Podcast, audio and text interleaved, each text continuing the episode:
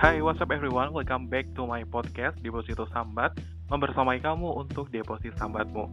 Gimana kabarnya teman-teman semua? Aku harap kamu selalu bahagia dan selalu dilindungi oleh Tuhan Yang Maha Esa. Sangat excited banget hari ini karena bisa terhubung dengan salah satu narasumber aku di podcast hari ini. Dan dia sangat luar biasa banget. Mungkin langsung aja. Halo kakak, boleh kenalan dulu silahkan Halo kakak, selamat sore, selamat siang, selamat malam, dan selamat pagi di mana pun kalian berada. Perkenalkan nama saya Handita Timur Adlima atau biasa dipanggil dengan Timur.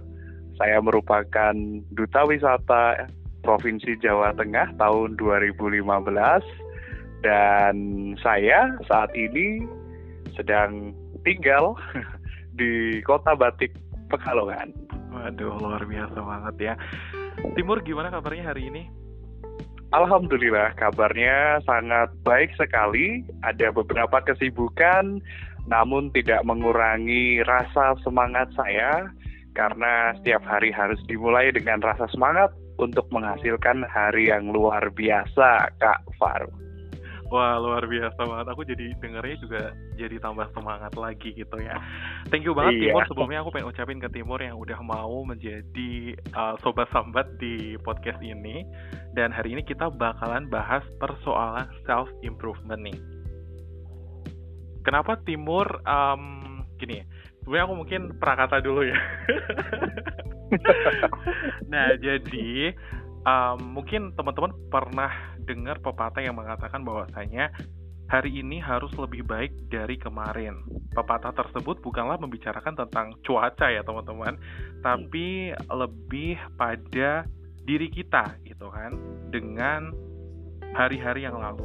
Nah, dari pepatah ini juga terselip pelajaran nih tentang self improvement. Sebenarnya apa sih self improvement? Mungkin Timur bisa jelasin nih ke sobat sambat yang ada di mana pun. Oke Kak, terima kasih untuk waktunya. Jadi self improvement itu secara garis besar dapat dimaknai sebagai bagaimana cara seseorang untuk meningkatkan kapasitas diri yang dia miliki.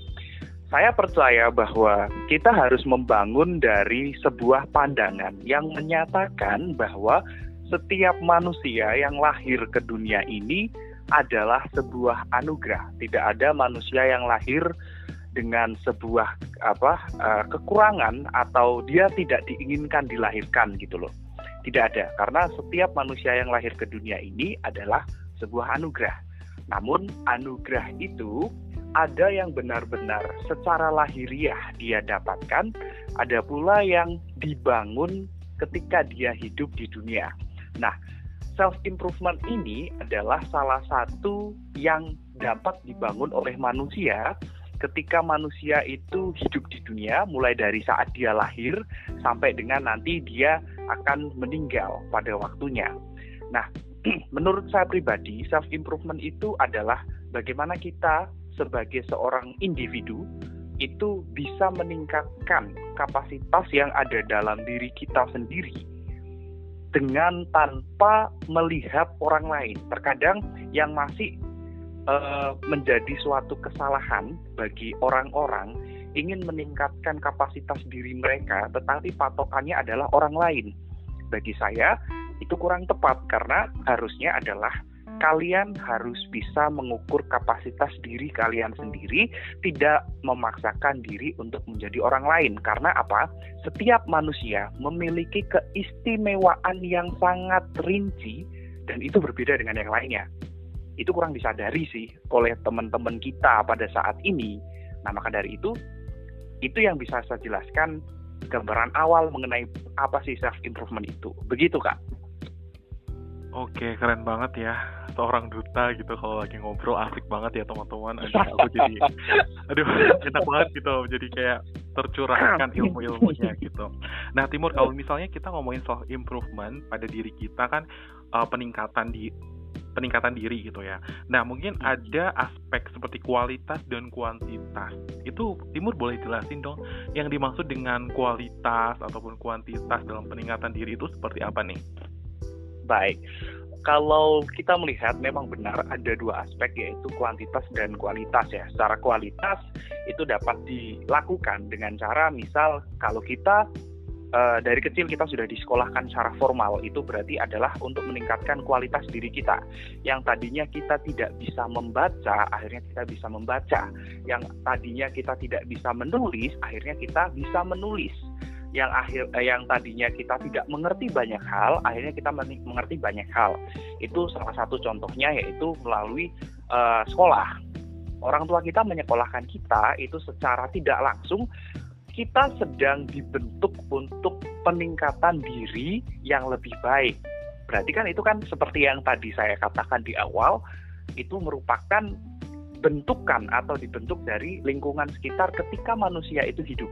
Nah, itu yang secara kualitas selain di sekolah juga di keluarga karena bagaimanapun keluarga adalah gerbang utama manusia ini mau menjadi apa memang ada ada apa namanya pendapat yang mengatakan bahwa lingkungan itu tidak berperan signifikan terhadap pembentukan diri seorang individu. Tetapi menurut saya lingkungan sangat berpengaruh untuk membentuk kapasitas diri seorang individu dan kualitas diri seorang individu. Anak seorang kiai, anak kecil, maaf saya ralat ya, anak kecil dia dilahirkan dan dibesarkan di uh, lingkungan yang berisi orang-orang dengan tindak kriminal yang tinggi, maka suatu saat dia yang setiap hari dia melihat apa yang ada di sekitarnya, dia akan menjadi seperti itu. Itu juga bisa dinamakan sebagai peningkatan kapasitas, tetapi peningkatan kapasitas yang negatif. Secara kualitas dia melihat bahwa oh setiap hari yang dia lihat ada pencuri, ada penjamret dan lain sebagainya. Akhirnya dia lama kelamaan nantinya dia juga akan mahir untuk mencuri dan menjamret. Nah, ini yang perlu kita hindari bahwa peningkatan kualitas itu harus didasarkan pada prinsip-prinsip yang positif. Nah, peningkatan kualitas yang kedua adalah dari sisi non akademik. Potensi diri yang ada di dalam manusia itu perlu dikembangkan ini juga sebagai pesan kepada beberapa orang tua yang terkadang terlalu memaksakan anaknya untuk menjadi seperti apa yang mereka inginkan padahal anaknya itu tuh tidak tidak menginginkan itu gitu. Nah, ini bisa menjadi sangat uh, dilematis karena di satu sisi orang tua pasti tujuannya bagus untuk uh, mengarahkan anaknya menjadi lebih baik, tetapi ketika anak itu tidak mau dan dia akhirnya dengan terpaksa dalam tanda kutip mengikuti apa yang orang tua inginkan, anak itu tidak akan meningkatkan kapasitas diri dia, malah dia justru akan terdegradasi atau dia akan menjadi orang lain. Itu juga harus diperhatikan supaya apa? Kualitas diri dari apa yang ingin kita tingkatkan itu tuh sejalan dengan apa yang kita sukai dan sejalan dengan nilai-nilai positif yang ada. Itu yang bisa saya jelaskan mengenai peningkatan kapasitas diri dari segi kualitas. Dari segi kuantitas, secara kuantitas itu adalah jumlah. Peningkatan kualitas diri itu bisa dimulai tiap menit, tiap detik, tiap jam, tiap hari, tiap minggu, tiap bulan, tiap tahun. Tergantung bagaimana seseorang itu mau meningkatkan kapasitas diri yang dia hadapi. Terutama nih, anak-anak muda atau adik-adik kita yang masih remaja, itu terkadang mereka berpikiran bahwa ah besoklah saya akan berbuat seperti ini. Setelah sampai ke hari besok itu, dia akan berubah pikiran. Jangankan sampai besok, detik ini dan detik berikutnya aja, dia sudah berubah pikiran. Berarti ini ada ketidakkonsistenan dalam peningkatan kuantitas diri. Harusnya itu sudah bisa dilatihkan sejak dini, bahwa ada target yang harus dicapai. Hari ini harus bisa lebih baik daripada hari kemarin dan hari esok harus bisa lebih baik daripada hari ini. Begitu Kak Faruk. Wah luar biasa banget ya penjelasan dari Timur. Dan kalaupun aku boleh bertanya lagi nih Mur, tentang okay. bagaimana kalau misalnya lingkupnya itu adalah sebuah organisasi kan peringkatan diri atau self improvement kan tidak melulu tentang individu saja ya melainkan Betul. juga bisa diterapkan dalam organisasi nih misalnya pada sumber daya manusia yang terlibat di dalamnya itu sebenarnya kalau Timur melihat dari studi kasus yang mungkin sudah Timur temui itu hal-hal unik apa atau bahkan pembelajaran apa dari um, self improvement ketika kita sandingkan dengan yang namanya organisasi, baik di kampus, di sekolah, ataupun di luar itu semua? Baik, organisasi itu memang salah satu faktor utama pembentuk uh, pribadi seorang individu menjadi lebih baik. Terutama di situ kita dapat belajar berbicara, bersosialisasi dengan teman-teman, mengutarakan pendapat, kemudian uh, mengemukakan argumen dan lain sebagainya. Apa yang bisa saya lihat dari dari peningkatan kapasitas diri di dalam organisasi itu sangat banyak sekali Kak Faruk ya. Begitu juga saya, saya mengikuti beberapa organisasi dan dari situ saya juga bisa melihat bahwa memang ada peningkatan kapasitas diri yang saya rasakan. Terutama dari segi relasi. Relasi pasti jelas. Kita ambil contoh organisasi yang ada di kampus misalnya, adik-adik mahasiswa, teman-teman mahasiswa. Mereka mengikuti organisasi himpunan mahasiswa jurusan atau HMJ. HMJ kita katakanlah HMJ ilmu politik atau HMJ sosiologi atau HMJ hukum.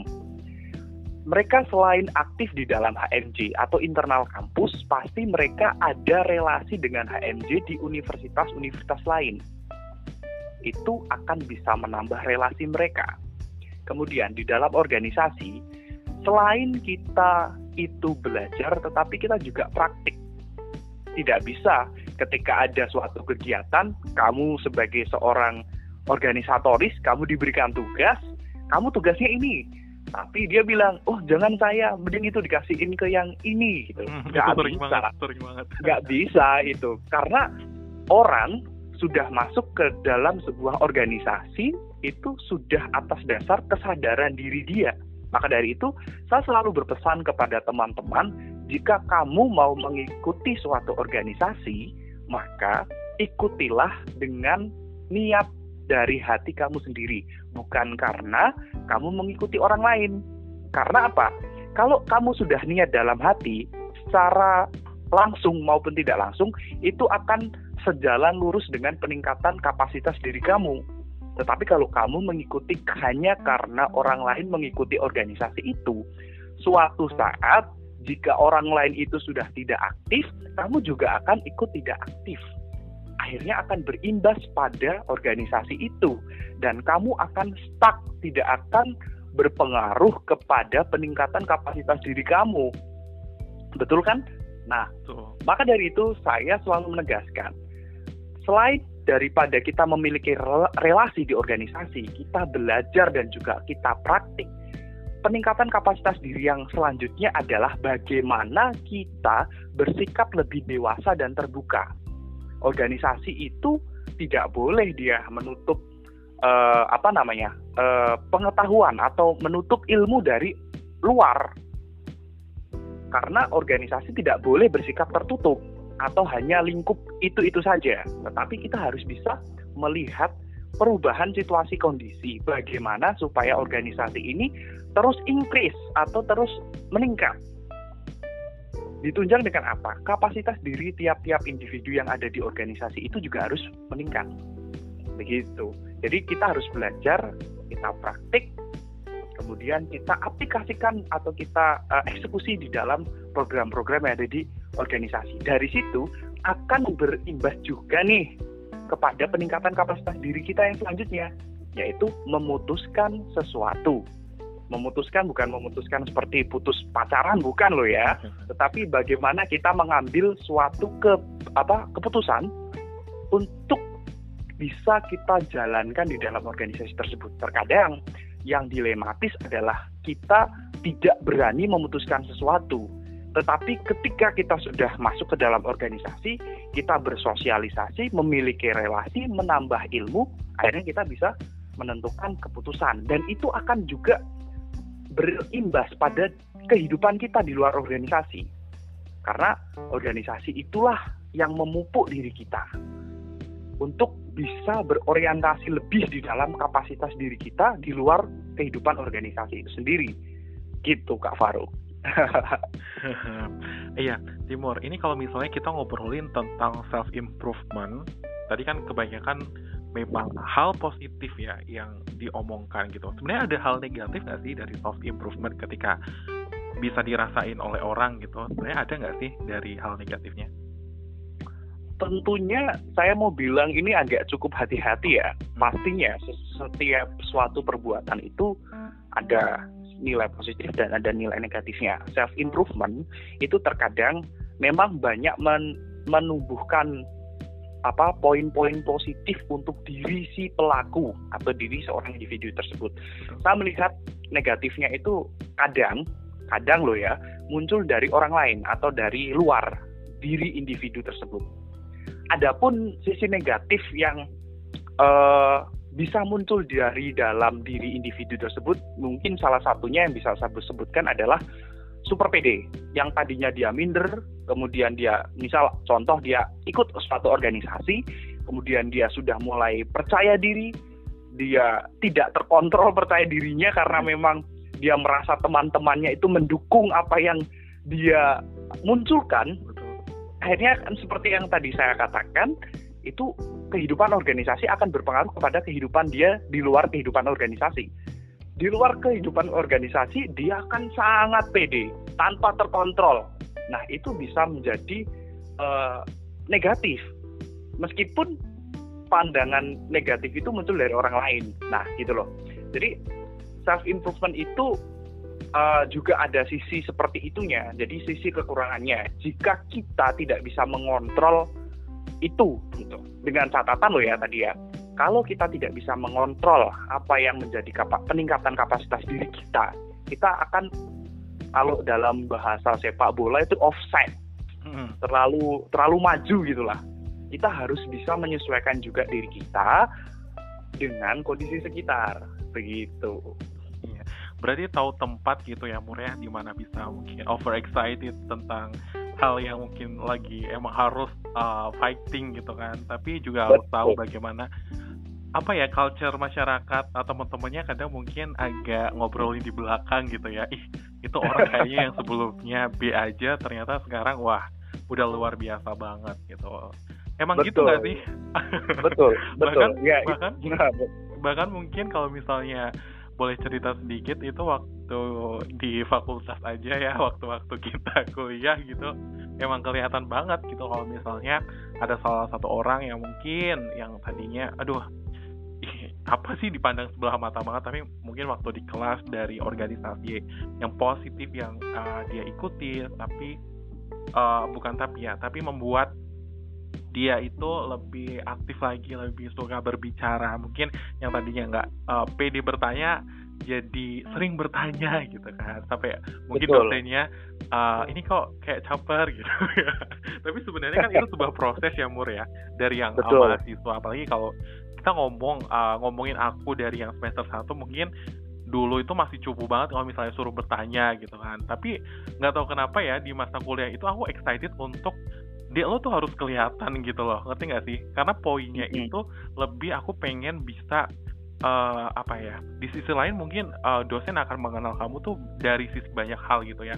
Kalau misalnya kita ngomongin perkuliahan itu kalau misalnya aku kan lumayan uh, berisi ya Mur ya. Mungkin uh, dosen melihat hal itu gitu kan.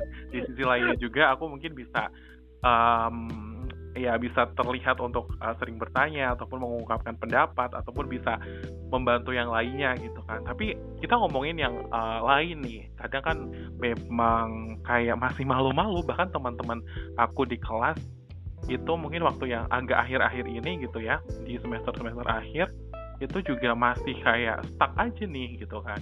Nah pertanyaan aku mungkin lebih ke ini Mur sebenarnya self improvement itu kan akan berdampak pada mental kita ya. Di sisi lain mungkin secara jasmani kita juga uh, ada power untuk melakukan hal-hal yang lain gitu kan.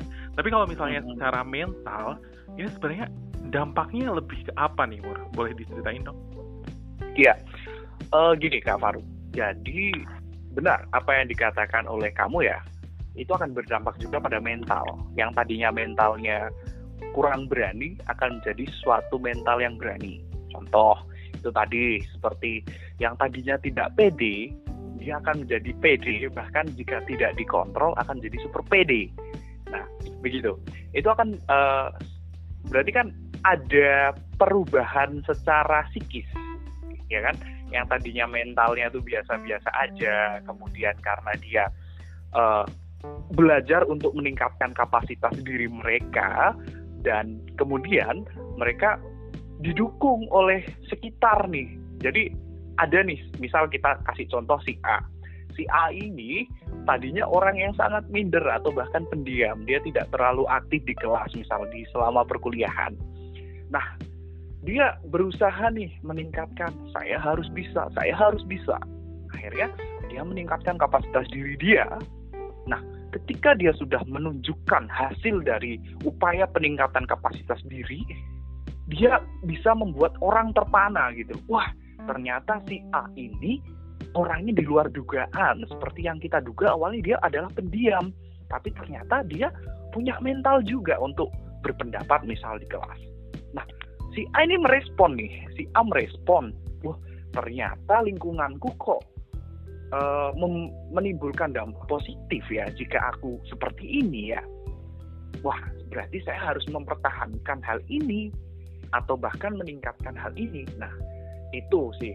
Tapi juga terkadang ketika kita sangkutkan dengan pembahasan yang sebelum ini, ketika ada seseorang yang tidak terkontrol, misal dia terlalu over PD, kemudian dia mendapatkan uh, omongan dari luar, omongan dari luar hmm. yang merespon negatif terhadap peningkatan kapasitas diri dia, secara otomatis bahkan ada yang langsung mentalnya jatuh saat itu juga.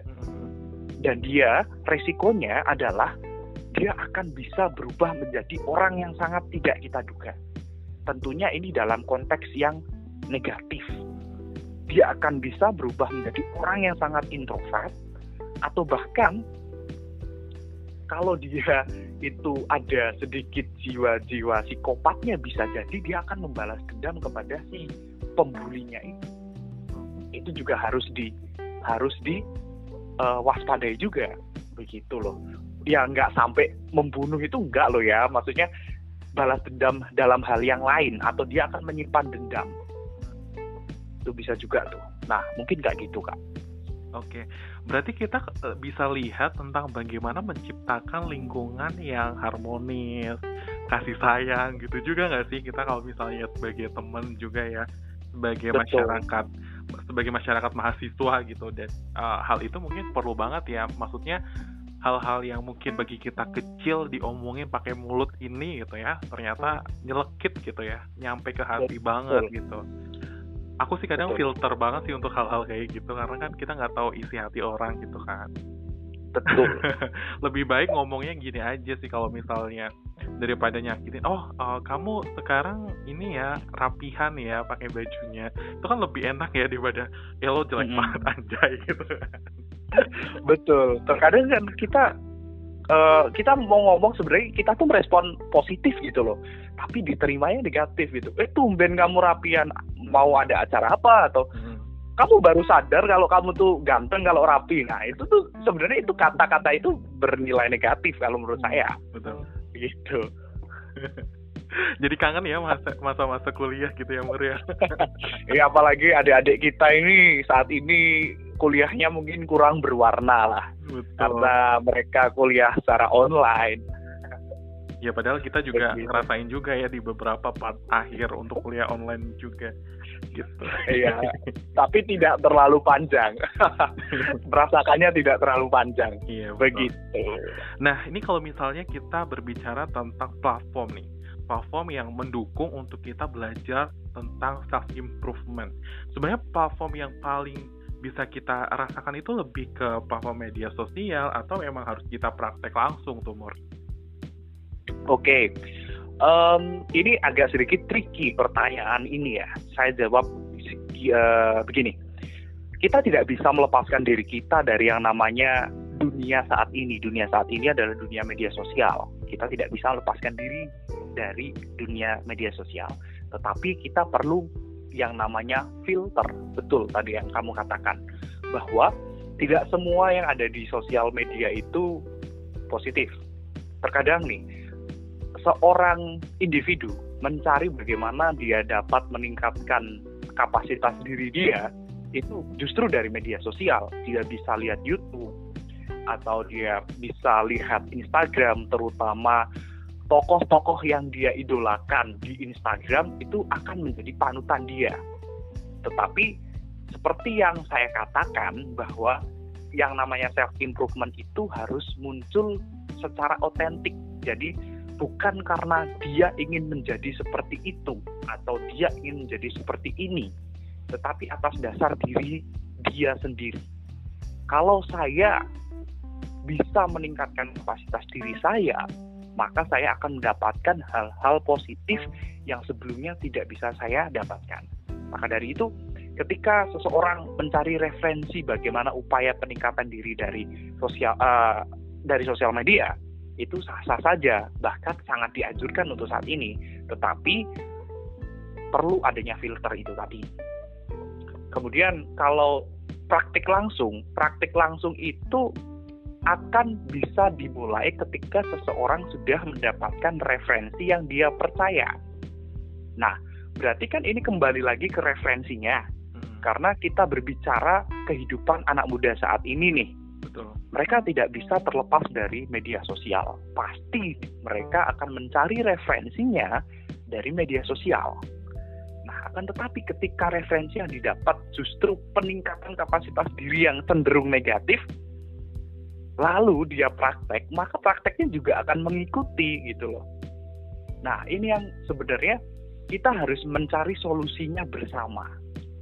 Perlu adanya suatu gerakan atau suatu gerakan uh, atau forum-forum diskusi satu improve satu.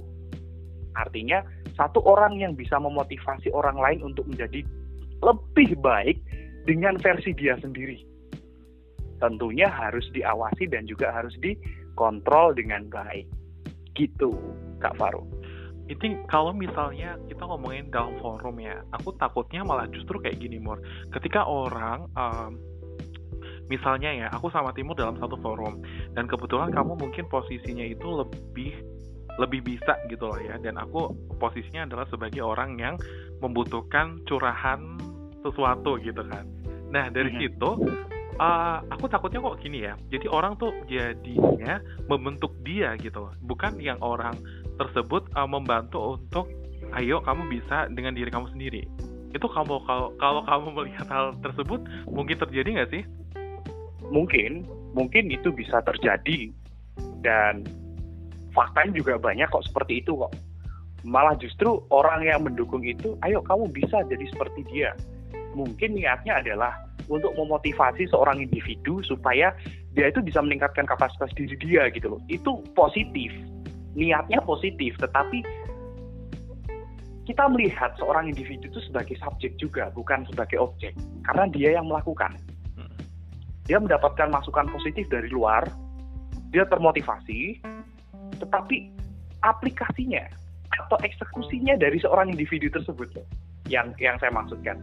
Nah, mungkin seperti itu sih jadi makanya saya tadi bilang sangat dilematis sangat dilematis karena untuk peningkatan kapasitas diri ini ada beberapa sudut pandang. Ada yang menyatakan bahwa menjadi seperti orang lain itu tidak masalah yang penting positif.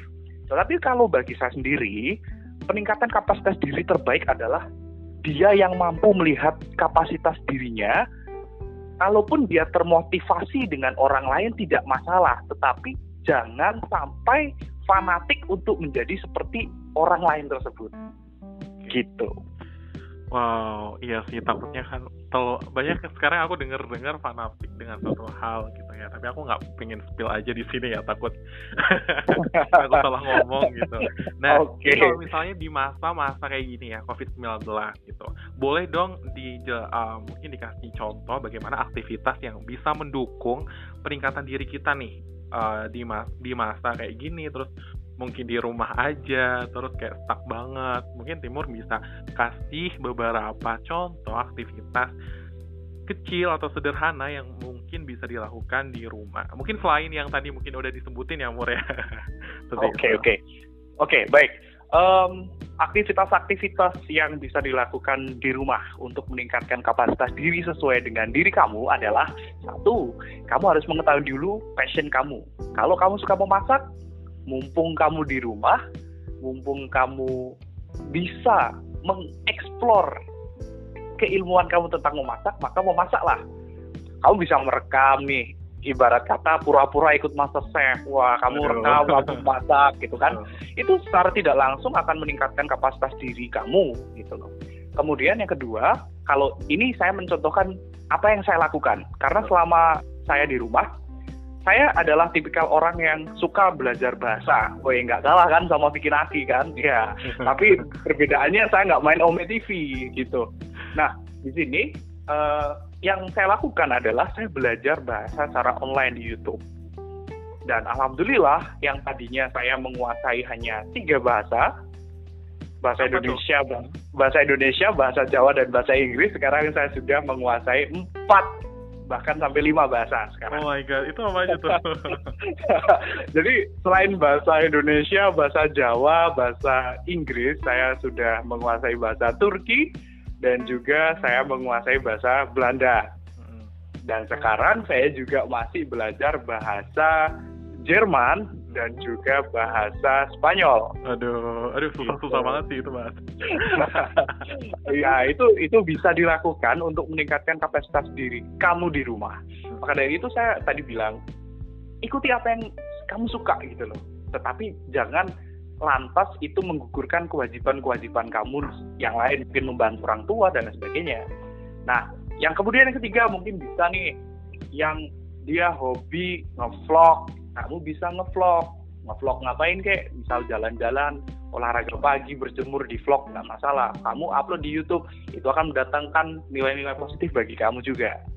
Dan yang yang suka uh, membaca nah ini nih. Karena Indonesia merupakan negara dengan tingkat literasi yang rendah padahal literasi itu adalah salah satu upaya untuk meningkatkan kapasitas diri. Maka dari itu, mumpung di rumah dan mumpung punya banyak waktu, itu kamu bisa gunakan untuk membaca. Tidak harus bacaan-bacaan yang berat. Kamu bisa baca novel yang tadinya kamu harus kuliah dan mungkin nggak sempat baca novel, kamu baca novel atau baca buku-buku yang lain. Nah, itu juga bisa dilakukan untuk meningkatkan kapasitas diri kamu itu beberapa contoh sih ya. Tapi selebihnya teman-teman bisa nih uh, mengimprove dengan cara teman-teman sendiri asalkan satu pesan saya adalah dalam hal yang positif. Gitu. Wah, kalau aku boleh tanya nih, di masa ini Timur cukup kesusahan nggak untuk melakukan tidur yang baik gitu? Nah, alhamdulillah sih ya, maksudnya uh, saya tidak merasa kesusahan dalam hal urusan tidur gitu ya. Hmm. Karena sejak dari kecil saya sudah dibiasakan tidur di jam-jam yang sangat-sangat teratur. Hmm. Saya maksimal kalau malam kalau tidak ada kerjaan yang benar-benar harus saya kerjakan jam 10 saya sudah tidur atau bahkan sebelum jam 10 saya sudah tidur. Dan bangun selalu jam setengah empat pagi. Itu sudah seperti alamiah gitu loh. Hmm. Karena memang uh, sudah dididik dari kecil seperti itu. Dan setelah bangun terkadang saya hmm, melakukan kegiatan yang saya suka. Misal setelah bangun kemudian cuci muka mungkin saya main HP sebentar atau saya baca saya sering uh, melakukan itu setiap pagi terutama akhir-akhir ini. Uh, sering melakukan membaca setiap bangun tidur itu enak banget. Nah itu sih tapi nggak nggak ada masalah dalam hal tidur gitu kak kamu membaca ini lebih suka yang buku ya, bukan yang online gitu apa gimana tuh? Iya, saya lebih suka baca buku daripada baca online. Karena kalau baca online itu kita tuh tidak dalam posisi yang nyaman. Terkadang kan kita pegang HP nih, terus kita lagi baca PDF misal PDF buku. Kemudian ada notif WhatsApp masuk, notif Instagram atau notif yang lainnya kita akan teralihkan gitu. Betul. Kita akan teralihkan maka dari itu saya lebih suka kalau di online atau saya harus memaksa saya harus membaca online saya biasanya lebih suka skimming atau membaca secara cepat. Gitu. Ya itu juga salah satu tujuan untuk self improvement ya. Maksudnya kita mengetahui hal-hal yang baru. Apalagi saya suka banget nih baca mengenai ensiklopedia tentang negara-negara tentang sejarah-sejarah dan lain sebagainya. Gitu Wah, nggak salah ya Timur dinobatkan sebagai duta pariwisata. Pasti uh, bahasan tentang wisata banyak banget. Mungkin nanti di episode selanjutnya kita bakalan bahas itu atau yang lainnya mungkin ya teman-teman. Dan sebelum itu, aku pengen dong dengar tentang closing statement dalam pembahasan kita hari ini tuh seperti apa nih Timur? Baik, saya akan uh, memberikan closing statement. Saya mengutip salah satu kalimat dari tokoh favorit saya yang merupakan acuan saya untuk dapat meningkatkan kapasitas diri saya menjadi lebih baik versi saya yaitu Sultan Muhammad Al-Fatih. Pasti teman-teman sudah tahu nih siapa beliau. Ya, beliau adalah penakluk dari Konstantinopel atau yang sekarang disebut dengan Istanbul. Beliau berkata seperti ini dan ini sangat memotivasi saya. Jangan katakan kepadaku kamu tidak bisa melakukan hal itu sebelum kamu mati dalam mencobanya. Nah, itu maksudnya adalah kalau kita hubungkan dengan tema kita kali ini self improvement bahwa self improvement itu bukan sesuatu hal yang sulit atau bukan sesuatu hal yang mustahil yang tadinya pemalu bisa menjadi uh, lebih apa namanya uh, bisa bersosialisasi itu bisa jadi gitu loh yang tadinya dia tidak bisa menjadi bisa itu juga bisa. Tidak ada yang mustahil sekarang ini. Dan kalimat motivasi yang kedua dari beliau juga adalah yang namanya keberhasilan itu ditunjang karena adanya keyakinan yang besar. Kalau kamu bisa merubah diri kamu menjadi lebih baik maka kamu akan bisa mencapainya. Begitu kak Wah, thank you banget Timur untuk hari ini dan closing statement yang sangat luar biasa banget. Aku sempat merinding barusan dan excited banget. Yang jelas di pembahasan hari ini akhirnya Timur memberikan waktunya walaupun sebentar ya. Oh ternyata udah lama juga sih. Semoga di episode selanjutnya kita bakalan ketemu lagi dengan Timur, mungkin dengan gelar atau baru. aku feel di Amin, amin. Ya ini mungkin uh, sekalian saya minta doanya buat teman-teman nih yeah, karena saya sedang berproses untuk melanjutkan studi saya terutama di Turki. Uh, saya mohon doanya supaya saya dapat melanjutkan studi saya dan semoga saya dapat menginspirasi teman-teman lebih banyak lagi. Dan kalau nanti mau diundang lagi nih sama podcast ini yang keren ini nih, boleh-boleh banget dengan tema yang lain tentunya ya kak ya. Betul, thank you banget Timur untuk hari ini dan waktunya yang sangat luar biasa banget. Kita mau okay. mohon maaf banget kepada teman-teman yang lagi dengerin mungkin ada salah-salah kata. Yang penting teman-teman silahkan ambil positifnya aja dalam podcast ini. Dan yang terakhir dari Deposito Sambat, membersamai kamu untuk deposit sambatmu. Sampai jumpa di episode-episode selanjutnya dan terima kasih Timur. Bye-bye. Bye-bye.